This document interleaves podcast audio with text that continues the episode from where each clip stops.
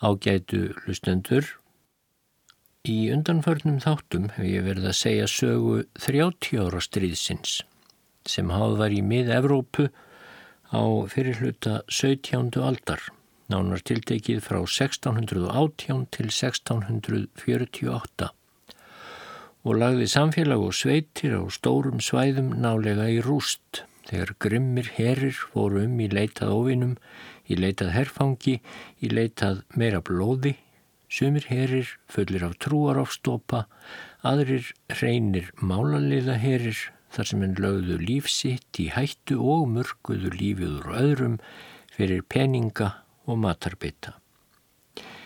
Í kjölfar herjana fylgdu svo þær sístur plága og hungursneið svo allstaðar hrundi fólkið niður.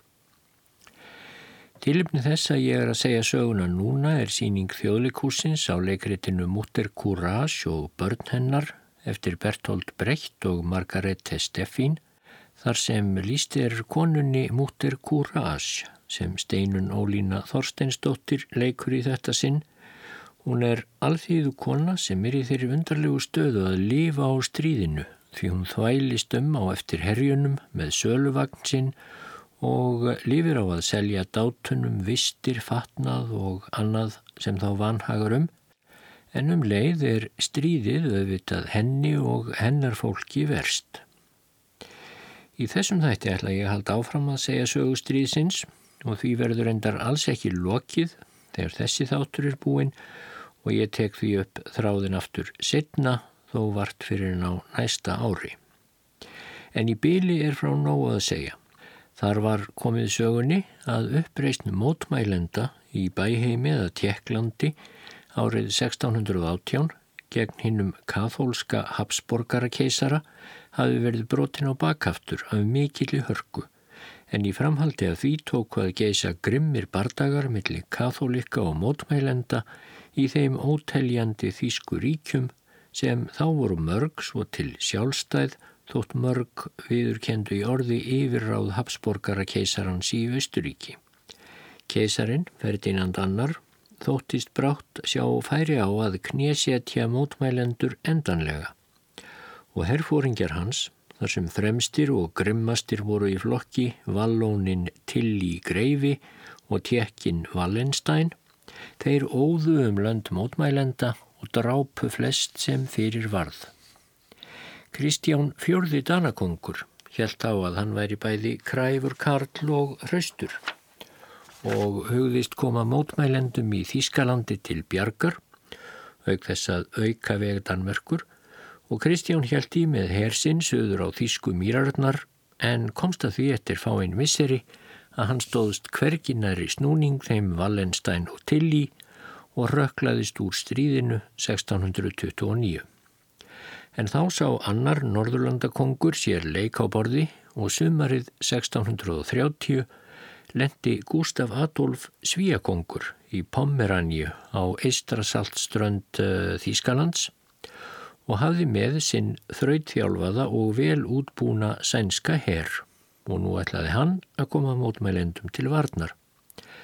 Því Gustaf Adolf var einlægur trúmaður á mótmælenda síð og vildi verja trúsískin sín í Þískalandi en auðvitað heldu stórveldis órar fyrir hönd Svíþjóðar líka vöku fyrir Gustaf Adolf rétt eins og Kristjáni Fjóruða fyrir hönd Danmerkur. Munnurinn var sá að Gustaf Adolf var ansi miklu meiri bógur en Kristján Fjörði og þeir Wallenstein og Tilly komust brátt að því að sænsku dátarnir yrðu ekki jafn auðveld bráð og þeir dönsku. Þvert á móti leið ekki á laungu áður en þeir vopnabræður, vopnabræður og þó um leið miklir keppinautar eins og þeir voru, Wallenstein og Tilly, áður en þeir áttuðu sig á því að þeir máttu nú vel gæta sín á hennum knáa svíakongi og hans hrausta liði úr norðri. Gustaf Adolf var reyndar í fyrstu ekki tekið með þeim kostum og kynjum í norður Þýskalandi sem hann hafi vænst jável ekki í öllum héröðum eða fyrstadæmum mótmælenda. Sumir þeirra hafðu verið komnir langleiðina með að semja frið við keisaran og nokkrir, svo sem fyrstinn í Sakslandi, nágranna hér eða bæheims, höfðu alltaf verið heldur blendnir í stuðningi sínum við málstað mótmælenda, þótt mótmælenda síður réði í Sakslandi. Því tók það Gustaf Adolf þó nokkur tíma að koma undir sig fótunum í norður Þýskalandi. Hann treysti á stuðning Brandenborgara, ekki síst vegna þess að nýr markreifi Brandenburgar var mágur hans. Því Gustaf Adolf hafði árið 1620 gengið að eiga Marju Elinóru af Hóhendsólern ættinni sem réði Brandenburgar hér aði. Þeim Gustaf Adolf og Marju Elinóru hafði gengið ítla að eignast lífandi afkomendur, svo um það leiti sem Gustaf Adolf lendi í Pomeranju þá var aðeins eitt barna þeirra á lífi, fjögur ára gömul stúlka að nafni Kristína. Sérkennilega skapi farin stúlka, það var strax ljóst en þessi fjölskyldutengsl við unga Hóhendsólern fyrstan í Brandenburg, Georg Vilhjálmur héttan, þau tengsl hafði svíakongur sem sé vonað að yrði honum til mikils framdráttar eftir landgönguna í Pomeraníu. En Brandenburg var þá reyndar ekki orðið það mikla veldi í Þískalandi og síðar varð. Höfuborg Georgs Vilhjálms var til dæmis langt í frá stæst eða merkust borga í Þískalandi um þær myndir. Berlín hétt hún, en kemur lítið ekki við sögu 30 ára stríðsins. En ég ætla nú að segja svolítið frá Marju Elinóru Svíadrottningu og Kristínu dóttur þeirra Gustaf Adolfs, setna. Það er nú aldeilis saga frá að segja, en í byli þá dugur að taka fram að mágur Svíakongs neytaði lengi vel að styðjan sem og sakslendingar Svo Gustaf varð að láta sér næja stöðning frá Hessen og stöku borgum eins og Magdeburg. En í síðasta þætti sagði ég frá því hvað sá stöðningur við Gustaf Adolf kostaði íbúana í Magdeburg. Sá grimmi herfóringi til í greifi mætti til borgarinnar og náði að leggja hana undir sig áður en herr Svíakonung skatt komið borgarbúum til aðstóðar og var haft fyrir satt að af 25.000 manns sem hafði verið inn í króið í borginni þá hafi aðeins 5.000 lifað af. Hinn 20.000, karlar, konur, börn, gamalmenni, hermenn, óbreyttir, borgarar, blásaklust fólk, flest allt. Þessi 20.000 voru högvin, stungin, skotin, brend til bana og sumum drekt til frekar öryggis. Þessi gengdarlösa grimd hersveita tillís í Magdeburg var þins vegar ekki til þess að mótmælendur lippuðust niður og gæfist upp fyrir keisaraherjunum, eiginlega þvert á móti. Það er endar lerdómur sem grimmir herstjórar verðast eiga mjög erfitt með að læra, bæði að fornu og nýju. Að gengdarlaus grimd af þessu tægi er ekki endilega vannlegt vopn til að bæla niður baráttu þreg andstæðings ekki jafn upplugt vopn allavega og kannski mætti ætla. Furðu oft verður niðurstaðan þver öfug, baráttu þrek anstæðingsins eblist og í viðbót við aðra kvöti í brjósti hans hefur nú bæst óslökkvandi hemdarþorsti. Þannig að nú fóru bandamannum Gustaf Adolfs í Þýskalandi að fjölga, andstætt því sem til í greifi hafði ætlað sér með hriðjuverka árásinni á Magdeburg og já, það er alveg óhætt að kalla það árás. Og Gustaf Adolf var reyndar ekki alltaf vandur að meðulum. Þegar hann mætti með hersinn allt of sent til Magdeburgar til að verða þar að liði, þá held hann næst með dáta sína inn í nágranna fyrstadæmið Brandenburg, þar sem mágur hans er ég þið sem sagt ríkjum, og eftir að hafa sleft dátum sínum lausum við rán og ruppl og greipdeldir í þorpum Brandenburgar þá tókst Svíakongi reyndar að knýja Brandenburgara til liðsvið sig, hálf nauðuga. Stuðningur Georgs Vilhjóns við eh, Gustaf Adolf varðaldrei nema hálf volkur en jáfnvel bara það dögði þó til þess að Brandenburgarar máttu á næstu misserum þóla hverja innrás keisaraherjana inn á sitt landsvæði á fætur annari og enn meiri rán og greipdeildir og morð og nöðganir og svo fylgdu alltaf sóttir í kjálfarið og hrægammar stríðsins, bæði fugglar og fólk, fólk eins og mútir Courage sem vissi að þegar til bardaga stemdi þá er því alltaf hægt að selja dátunum meira gós. En nú fór í hönd mikil sigurganga Gustaf Adolfs sem leiti til þess að hann fekk að líktum viðurnefnið Ljón Norðursins og er enn í dag einn nafntógaðasti herfóringi evrópskrar stríðsögu. Í hverjum bardaganum af öðrum rústaðan herjum kesarans. Mest varð orustan í september 1631, þrem fjórum mánuðum eftir að Tilly lagði Magdeburg í rúst. Þá var Tilly mættur með hersinn við Breitenfeld, rétt norður af Leipzig í austurluta Þýskalands og ætlaði að tuska Gustaf Adolf ærlega til.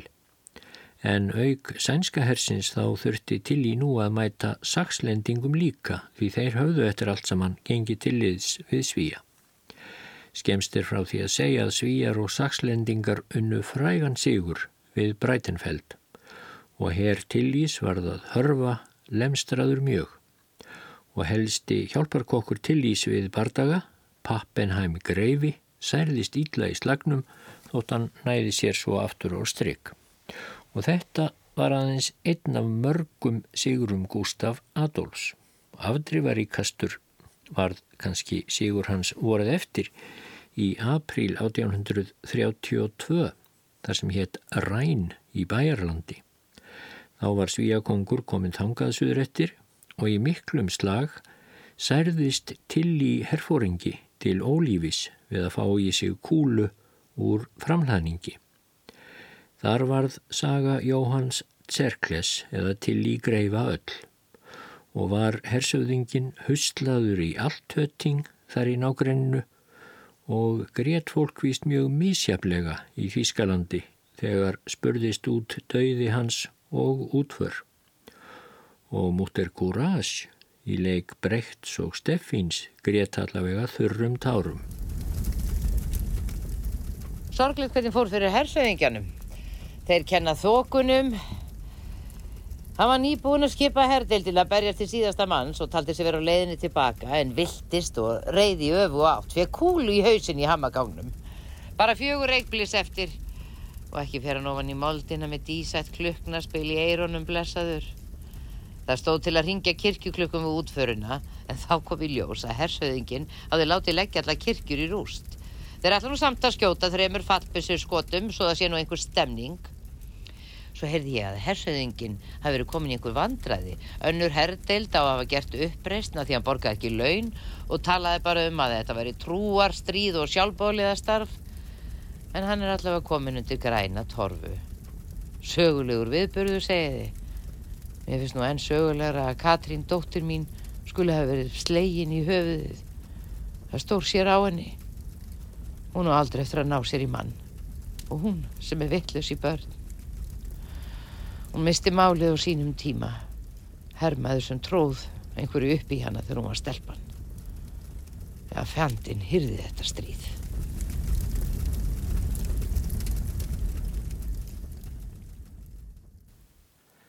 Þegar Ferdinand keisari frétti lát til Lís, hersöðingja síns, leist honum ekki á blikuna.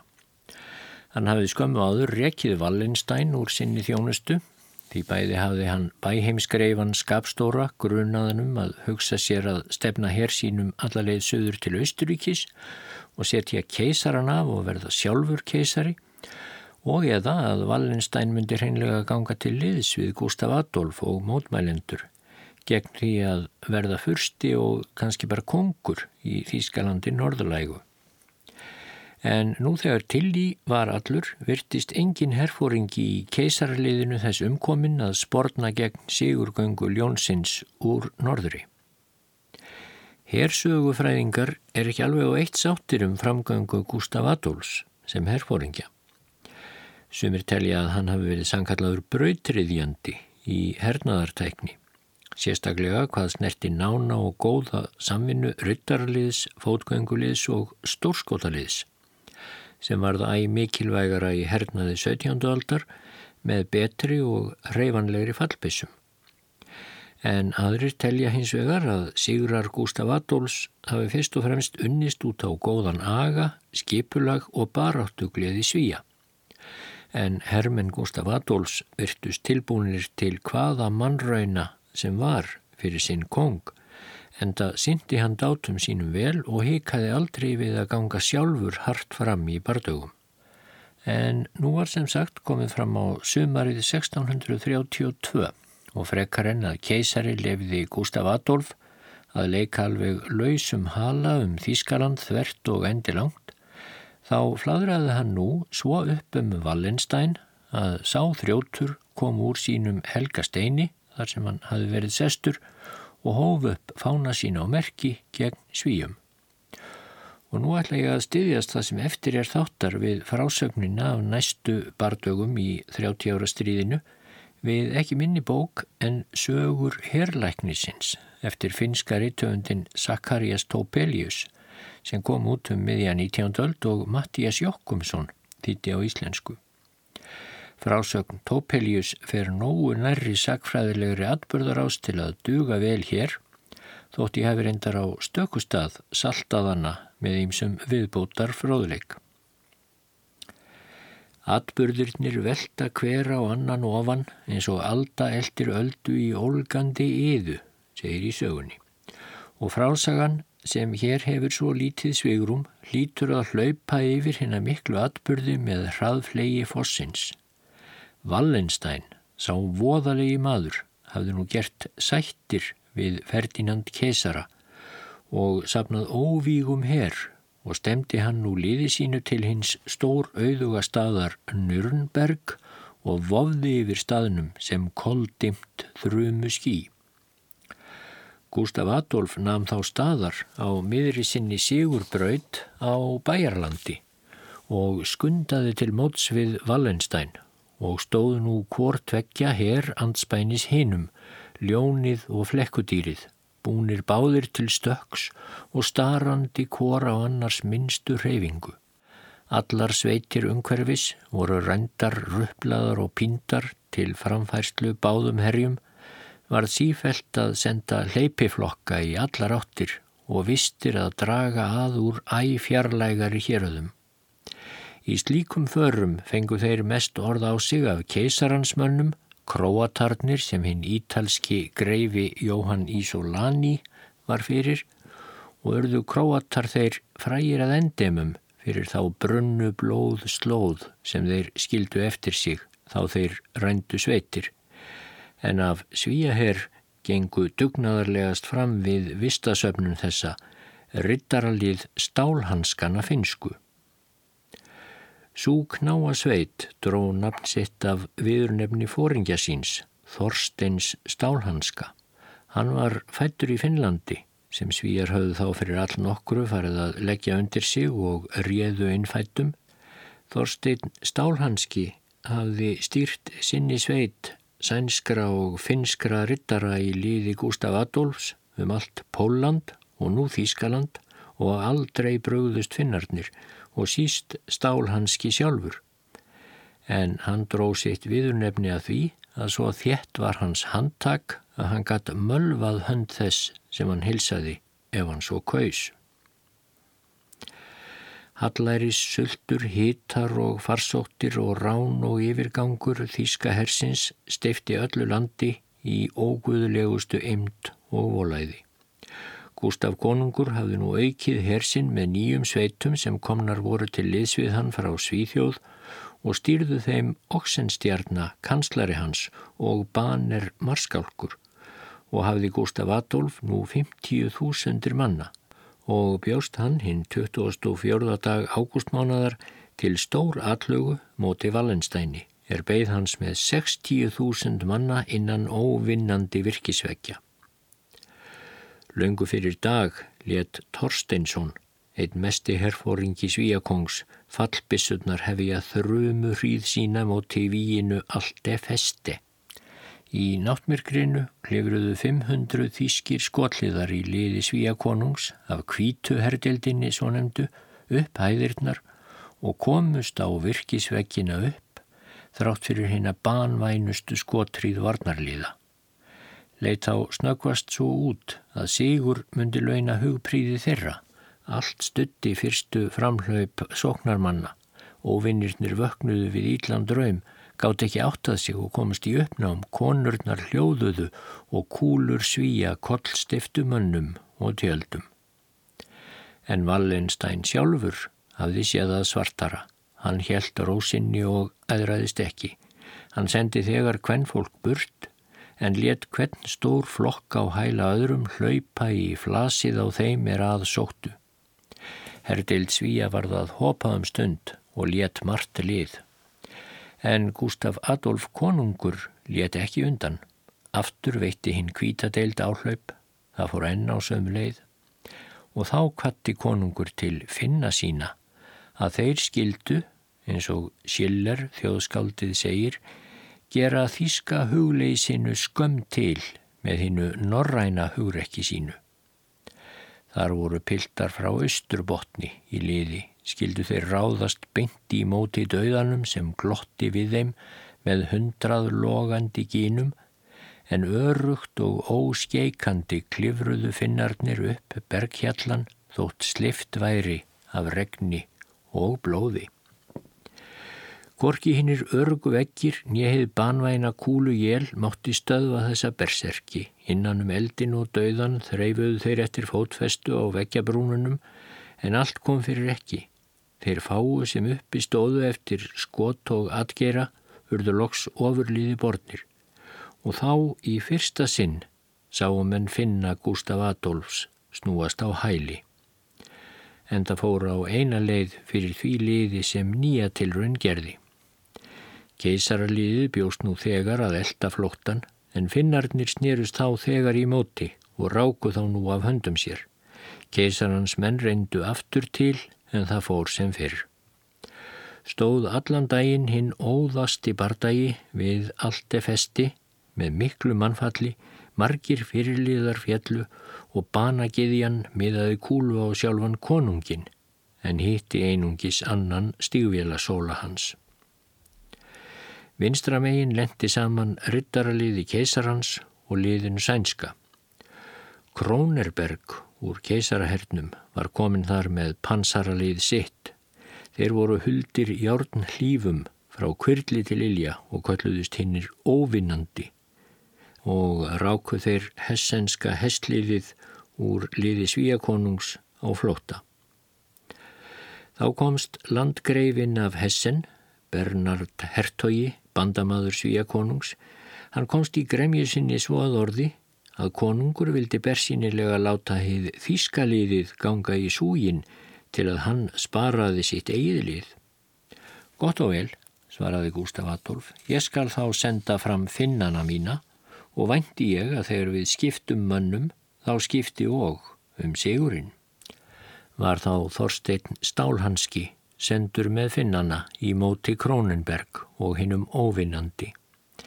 Millir þessa innvala liðs úr korumtækja hernum var nú sá hríð er svo var stórkostleg og fræg að æmun uppi verða. Bar fundum þeirra saman í kjarskóginum á bökkum Regnits áreinar og gekk þar maður á móti manni, hestur á móti hesti, sverðinurðu sljó er þau voru lamin í hjálma Skambisutnar liftruðu og margur hraustur ryttari barst út í leirin í ánni.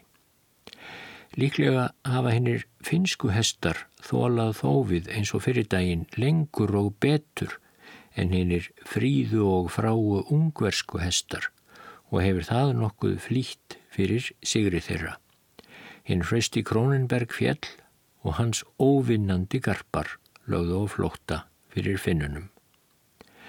Í hans stað sótti tuggar fram með allmiklu líði og letu þá finnar að lokum undan og þókuðust nær skóginum en sífelt heldu þeir uppi höggórustu og snýru aldrei baki við. Gerðu þá fótgöngusveitir svíja harða eldríð, þá fjell tuggar og ráku finnar þá, þótt nálega væru uppgefnir ornir, ryttarana aftur á flóta.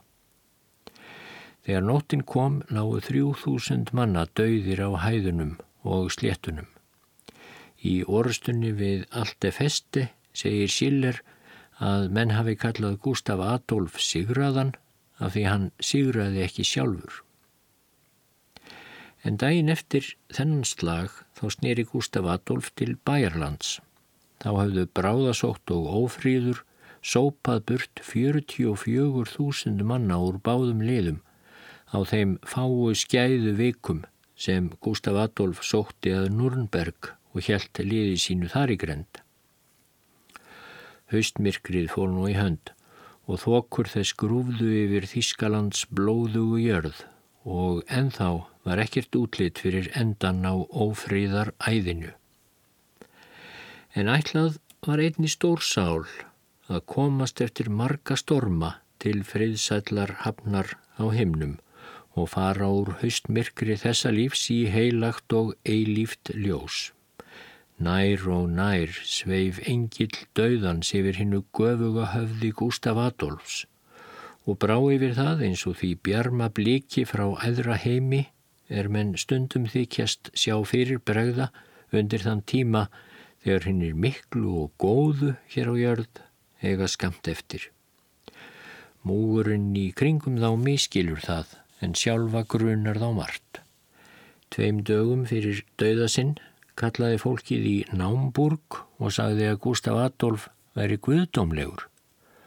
Sló þá sál hans það hugbóð að nú myndi braut hans brátt vera á enda og mælti hann þá við hyrðprest sinn vera kann að Guð láti þeim bráðulega hefnast fyrir þeirra Guðlastandi heimsku að halda þessu fram og mér sjálfum sem er tilefni hennar og að Guð síni að ég er líka veikur og döðlegur maður. Konungur var þá horfin aftur norður á Saxland til að veita Wallenstein eftirför. Við Armstadt kvatti hann Oxenstjerne en í Erfúrst kvatti hann Marju Eleinoru konu sína sem hafði fyllt honum um skeið en Kristína dóttir þeirra var þá í umsjón Bartfóstru heima í Svíþjóð. Af hverjum konungs við konu sína þótti mig að ráða að hann bjóst við því er koma skildi.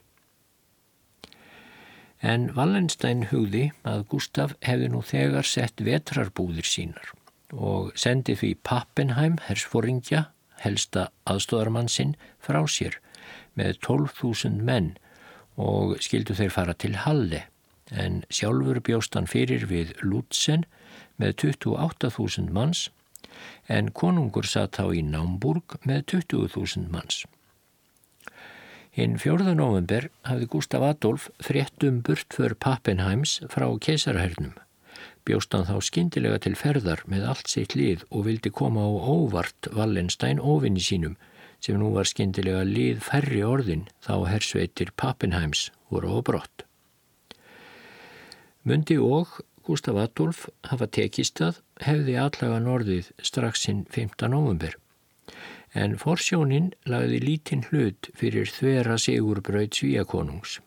Það var lækurinn Rípass, því að það var hann og hinnir upp bleittu vegir þarum slóðir sem senguðu fyrir liði hans. Það var ekki fyrir hann að kvöldi hins 15. november sem konungur náði í grend við lútsinn. Wallenstein hefði þá fengið ráðrum til að bregðast við og kunni það vel að nota. Hann let þegar gera bóð eftir Pappenheim um að snúa til liðs með sínar þúsundir og let svo dýfka díkin fram með þjóðveginum sem lág til Leipzig og byggja brjóstvarnir sem hann begja vegna vegarins fyldi af harðskittum og gáttu skitturnar skotið frá báðum hliðum og felt svíja umvörpum þá þeir sektu fram eftir veginum. Herráð konungsins réði honum frá áhlaupi úr því svona var komið. Bernard Hertogi af Hessen réði einn til tafarlausrar allögu og hans ráði fylgdi konungur. Það er best, sagðan, að þó sig vandlega úr því komið er í baðið á annað borð. Aðfarnótt bardagans var dimm og drungaleg. Konungur let fyrir berast í fornum vagni á samt Bernhardi Hertoga og sínum helstu mönnum. Hinn sístarfandi sál konungsins hafði nógan tíma að higgja fyrir öllu og þá, segir sagan, dróðan af vísifingri sínum lítinn eirring, fekk hann Bernhardi Hertoga og bauðunum að svo framarlega sem eitthvað kemi fyrir sig skildi hann fá ringin ungum fyrirliðainum í finska hesliðinu. Árlaðu morgunin reið Gustaf Adolf svo út til hersins til að kanna skipan hans. Hann var í pansara eða brinju úr elgshúð og bar gráleitan feld utan yfir. Þegar menn hans ráku upp stóru augu yfir þeim fáfengilega búnaði og kvöttu hann til að hafa þann dag pansara úr málmi eins og endranær, þá svaraði konungur Guð er mín hlýf. Kaf þykk þokka frestaði nú bardaganum. Þegar dagur rann hóf allur herrin svíakonungs upp rattir sínar og söng einum rómi voru guður borga og bjargi tröst. Og er þokan helt áfram byrjaði konungur sjálfur sálminn nú veri guð oss öllum hjá og því næst sálm sem hann hafi sjálfur orrt þá skömmu fyrir bardagan þú skallt ei hræðast hópur smár. Síðan reið Gustaf Adolf fram með röðum hermanna sinna og kallaði Í dag, piltar mínir, skulum við er gjöra enda á öllum vorum þrautum. Tvívegis rasaði hestur konungs á leiðinni en í korugt sinnið fjall kongur af baki. Klukkan 11 var það fyrst að þokunni létti fyrir hægu vindkuli Sænski herin sótti þá þegar fram til áhlaups á sléttu landi við Lutsenbæ. Í hægra fylkingararmi sem konungur sjálfur stýrði stóð enn stálhanski með finnana en næst heim sænskar sveitir í miðhernum voru svíjar, gula og græna herdeldin og þar var herfóringin Níls Brahe. Gula herdeldin var raunar hinn viðfræga lífvarðasveit konungsins sjálfs og hafði Gustaf Adolf Brahe í mestum hávegum allra hinn að sænsku fóringja.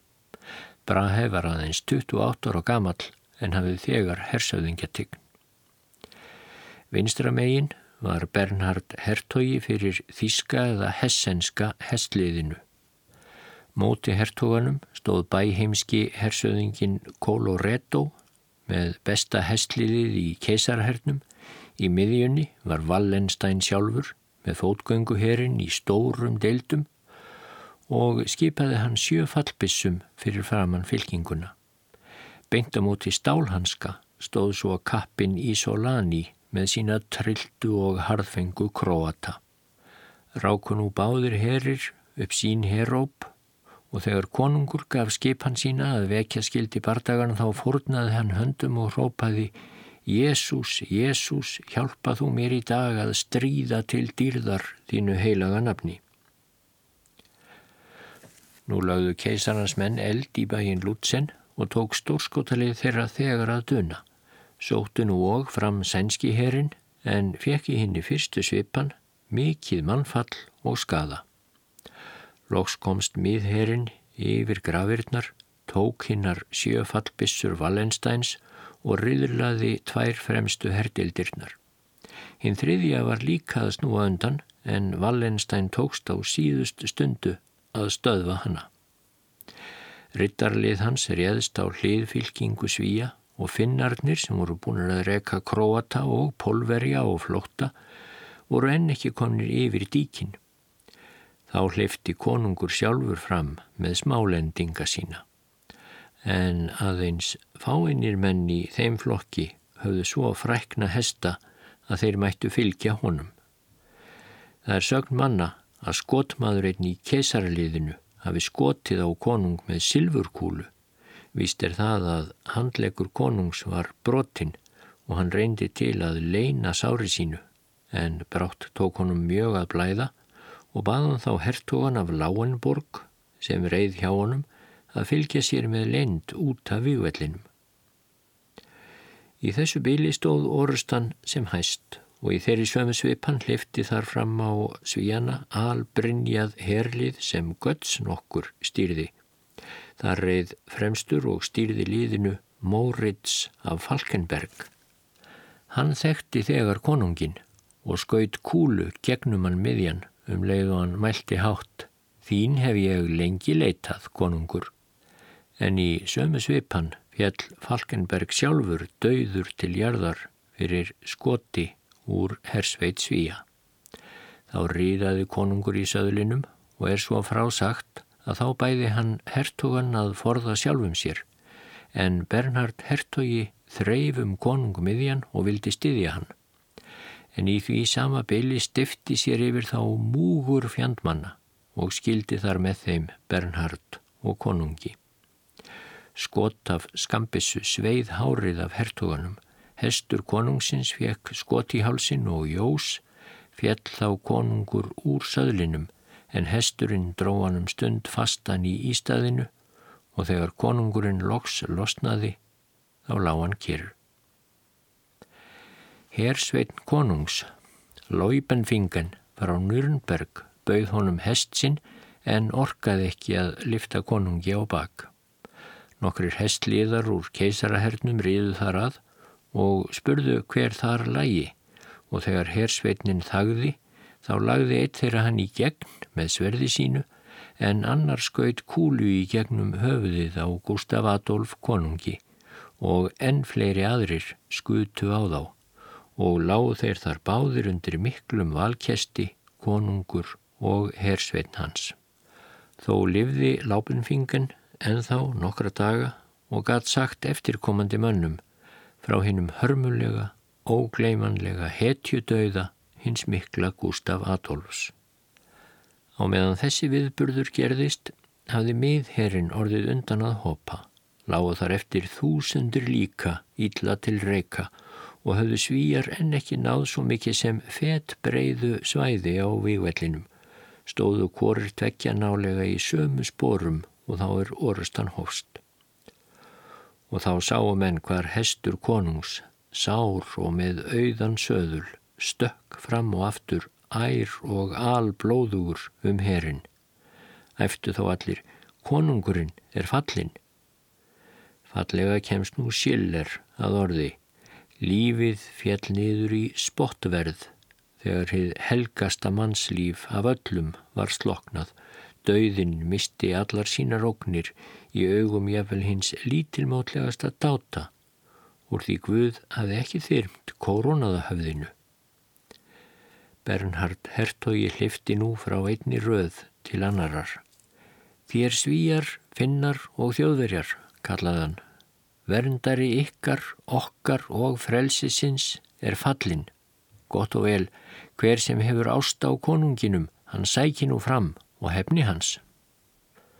Einhverjir heikuðu, en Bernhard Hertogi let engan bilbug á sér finna og þegar ofursti einn neytaði að sækja fram með mönnum sínum, þá hafði Hertogin engar vífilengjur, heldur drap mannin.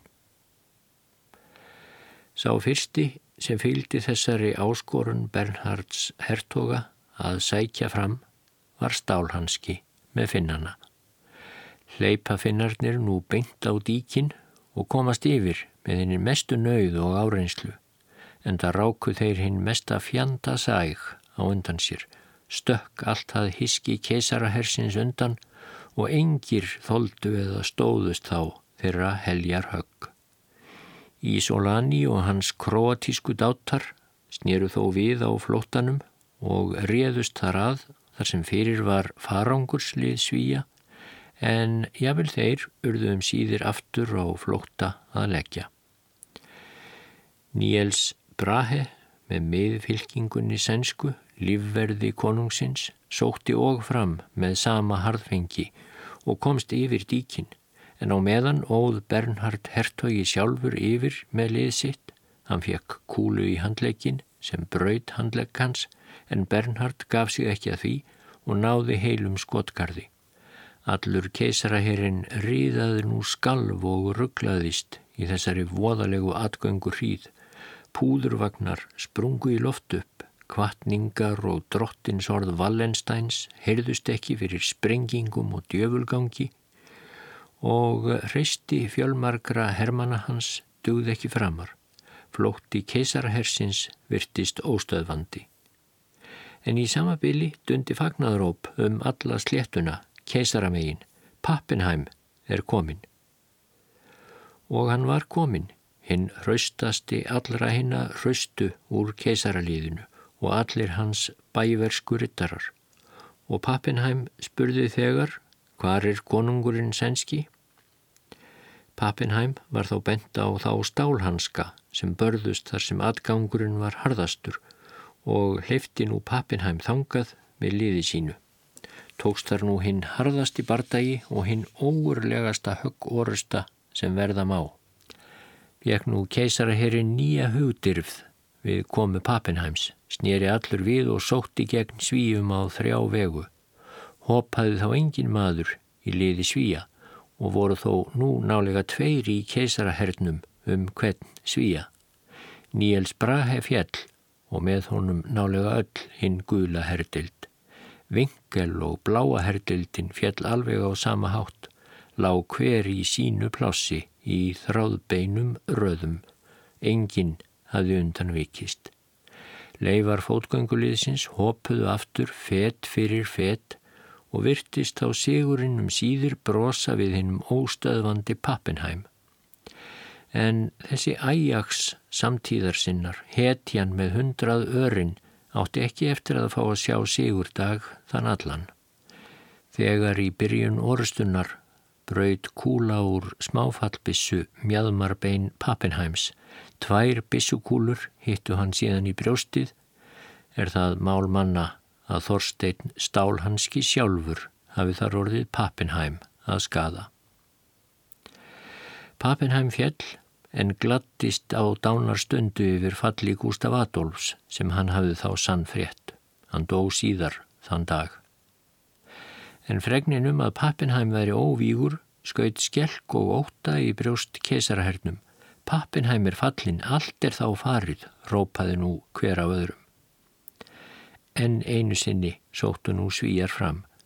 Bernhard Hertogi, Kníphausen og Stálhanski unnu þá allir ótrúleg afreg fyrir svíja. En úr keisaraliðinu varð frægust framganga Piccolo Minis sem hljópi í dagslokk á bak sjöunda hestinum, sjö sárum særður og gengum menn hans bersersgangi að hans fordæmi og þannig helt miðfylking keisarans manna stöðu sinni þanga til nótt sleit bardaganum. Helt á Wallenstein undan en hinn örmagna sænski herr lagðist fyrir á výgvellinum. Láðu þar nýju þúsundir döðra manna á sléttunum hjá Lútsen. Afleiðingar orustu þessarar urðu mjög tilfinnanlegar fyrir keisarans menn. Höfðu þeir látið gjörvalt stórskotalið sitt. Pappenheim var fallin og fyrir bí var sá orðstýr Wallensteins að hann væri ósigrandi. Hinn mikli herstjóri réði sér enda ekki fyrir reyði. Var og hans harðfenga hönd ávalt jafn bóðin og búin til að vísa hinnum huglausu og gálgan eins og til að rétta hinnum hugprúðu gulldali. Voru 11 manns hengtir fyrir hugleysi úr þeim hersveitum sem lagt höfðu og flótta úr bardaganum en menn eins og Piccolomini voru heiðraðir og hækkaðir í tign en það verðskuldað mjög. Ef Wallenstein hefði býtið á jakslinn og haldið bardaganum áfram í stað þess að hörfa, þá var vel mögulegt að hann hefði haft loka sigur, en nú var hinn mikli herstjóri lasinn og niður lútur og dróð sig á leiðsöður til bæheims með leifarnar af hersínum nálagt 9000 manna var þar hans yðja um nætur á næstunni að skoða stjörnur híminsins en um daga að brugga svikráð við keisaran húsbónda sinn. Síðar kom á daginn að svíjar hafðu verið í þann vegin að hörfa sjálfur frá bardaganum þegar þeir uppgötfuðu að Wallenstein var flúin. En úr því þannig laug þá taldust þeir hafa haft sigur við lútsin. En sá sigur var galli blandin og alltaf einu gall við óþrótlegt sígur óp um allan hinn kathólska heim þegar spurðust úrslitinn frá Lútsin því það sá allir að bæði Lúterstrúin og svíjar höfðu þar beðið ómetanlega meira tjón en ofinnir þeirra. Því nú var sá voldu í armleggur máttvana er veifað hafði ljósins og frelsisins sigur sverði konungurinn Gustaf Adolf Allir mótmælendur voru því djúpum harmi losnir en það bættist við hrigð þeirra og kvíði fyrir komandi tíð. Það var ekki að ástæðu lausu að sungið var Te-Deum til dýrðar og þakklætti skvuði í höfuð kirkjum í Vínarborg, Brussel og Madrid. Nautaat var og haldið í Madrid í tól daga samfleitt til minningar þess að hinn mikla sænska hetja var fallin. En Ferdinand keisara sjálfum, honum fórst betur en samtíð hans, því að svo var sagt að hann hafi útelt tárum þegar hann sá hinn blóðuga leðurstakk sem hinn fallni ofinnur hans hafi borið. Um kvöldið eftir orustuna sendi Bernhard Hertogi liðsmenn sína með blísum og bauð þeim að leita upp í lík konungsins. Fundu þeir það flett brinju og öllum klæðum og illa til reyka undir kesti af dauðum mönnum. Var konungslíkið svo flutt til bæjarins Mochen og þar smurt var þá liðsmönnum leift að fara og sjá lík konungsins, hetjunar. Hrundu þar mörg bitur tár, en þó tár sem líka voru full metnaðar, fannst ég vel hinnum lítilmótlegasta manni það vera stór sæmt fyrir sig að hafa barist við hliðslíkrar stór hetju sem sá konungur var. Bernhard Hertogi hafði sjálfur staði hjá á výgvellinum og hort dapur og áhyggjufullur á hið nábleika konungshöfuð þá Gustaf Adolf var borinn af blóðvellinum. Nóvumber sólinn kom þá eldrauð upp yfir slétturnar við Lutsen. Ný öld var runnin upp. Meistarinn var horfin og áttu nú lærisveinarnir eftir að sína hvernig þeir færu að til þess að fullgera hans mikilfenglegu verk og bjarga trú og lífi mótmælenda.